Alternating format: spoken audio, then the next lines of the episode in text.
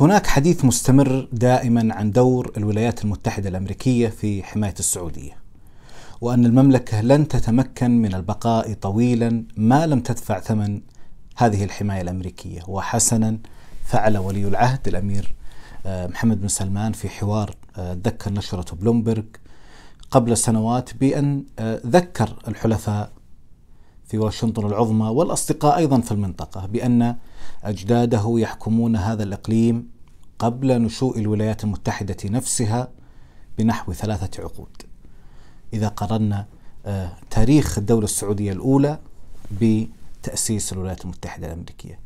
يعني آه، إحنا نعرف أنه هذا النوع من الأحاديث هو آه، موجه للداخل الأمريكي موجه لأنصار السيد ترامب في محاولة إظهار دوره العملي في المعجزة الاقتصادية التي تشهدها بلاده وهذا صحيح وأهم صورها بالطبع هو أنه انخفض معدل البطالة في أمريكا بشكل لم يسبق له مثيل منذ أكثر من من من عقود تقريبا ما يقارب نصف قرن.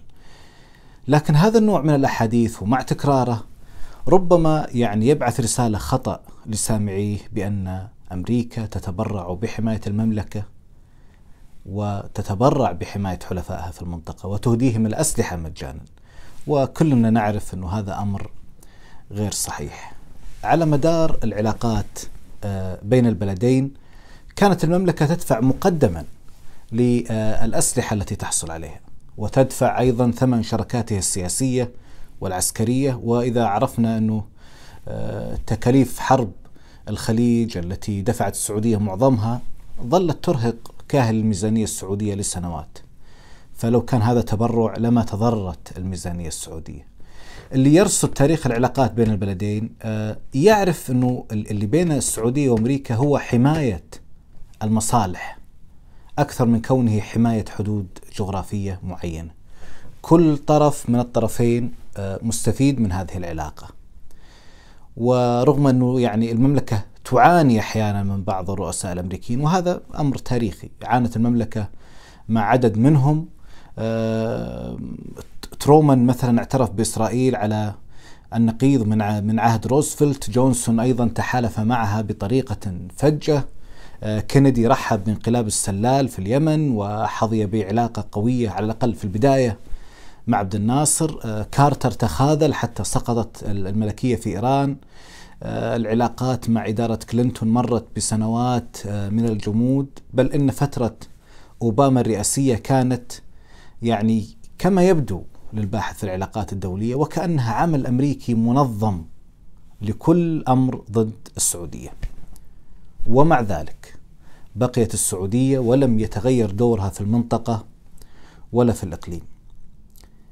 الحقيقة الواضحة أن ما يجمع البلدين أكثر مما يفرقهم.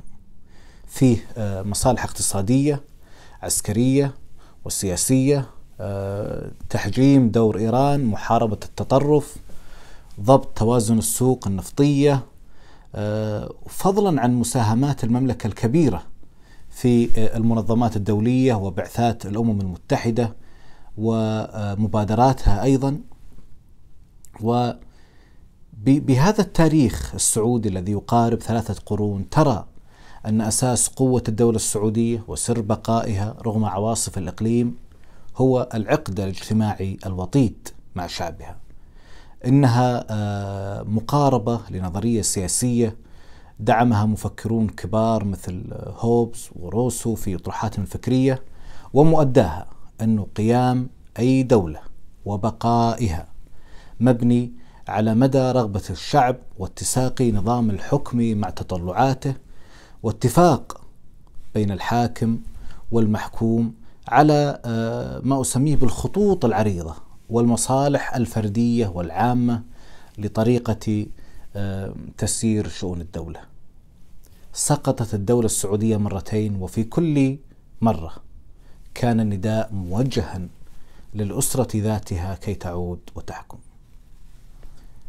تمتلك السعودية ما يمكن أن نسميه ويسميه أي باحث في في العلوم السياسية تمتلك خصائص القوة وهي العوامل اللي تجعل من دولة قوية بذاتها دون الاعتماد على قوة آه، من خارج الحدود.